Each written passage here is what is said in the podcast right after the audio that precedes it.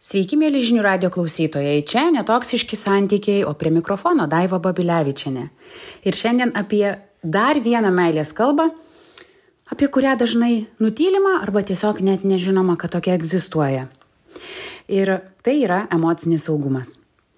Pati ne per seniausiai analizavau visas meilės kalbas ir jų poveikį santykių dinamikai. Ir pastebėjau, kad porose E, aktyvios meilės kalbos yra tik tuo met, jei nėra deficito emocinėme artume. O emocinį artumą labiausiai kursto emocinis saugumas. Nepergyvenkite, tuoj viską išaiškinsiu. Manau, kad emocinis saugumas yra visų meilės kalbų pagrindas ir šiais laikais žmonėm tapo labai svarbu jausti saugiai. Mm, nebe fiziškai, bet emociškai. Ir kai kalbu apie emocinį saugumą, kas be ko jis mums reikalingas nuo pat vaikystės. Tik dėja didžioji dalis mūsų augo šeimose, kurios dėl išorinių aplinkybių neturėjo galimybių gilintis į patį emocinį intelektą. Čia nereikia nieko kaltinti, ant nieko pykti. Tiesiog taip yra ir tokia yra mūsų evoliucija. Bet tai nereiškia, kad mes neturime to poreikio jaustis saugiai emociškai. Ir apie ką tai yra, tuoj pat paaiškinu. Emocinis saugumas tai yra galėjimas išreikšti poreikius, nuomonę, nebijant, kad būsi sugėdintas, ignoruojamas, sumenkinamas. Man pačiai labai įsimintina frazė. Nu dar ko užsinorėsi. Arba, oi, užsimanė karvė e, bananų žiemą. Tai yra mini, minimalūs būdai kaip mūsų poreikiai, norai yra sumažinami, sumenkinti ir sugėdinami.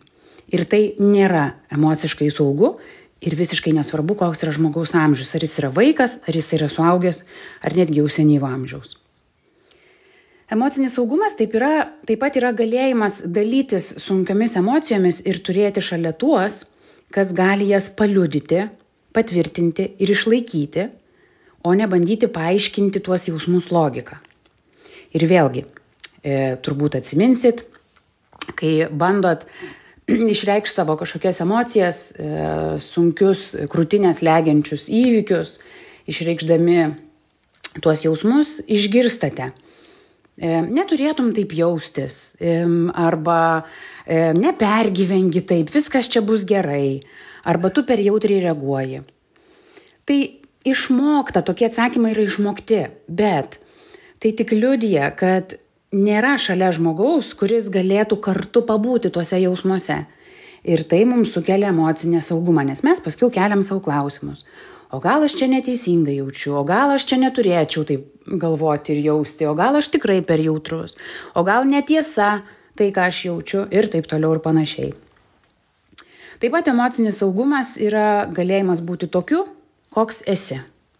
Visa savo esybė, pamatytas, išgirstas, suprastas, o nelaukiant, kol kažkas pasišaipys, sukritikuos, o gal net ir pasijuoks. Ir vėl, galbūt atsidurėte dabar mokyklos laikus, kai būdavo daug patyčių, kritikos, galbūt namuose tėveliai labai kritikuodavo, o galbūt netgi dabar tai patirėte namuose.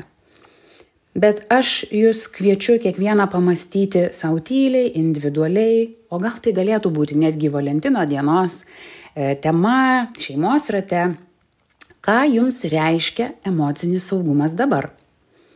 Ir kaip galite atskirti emociškai saugų žmogų nuo nesaugaus.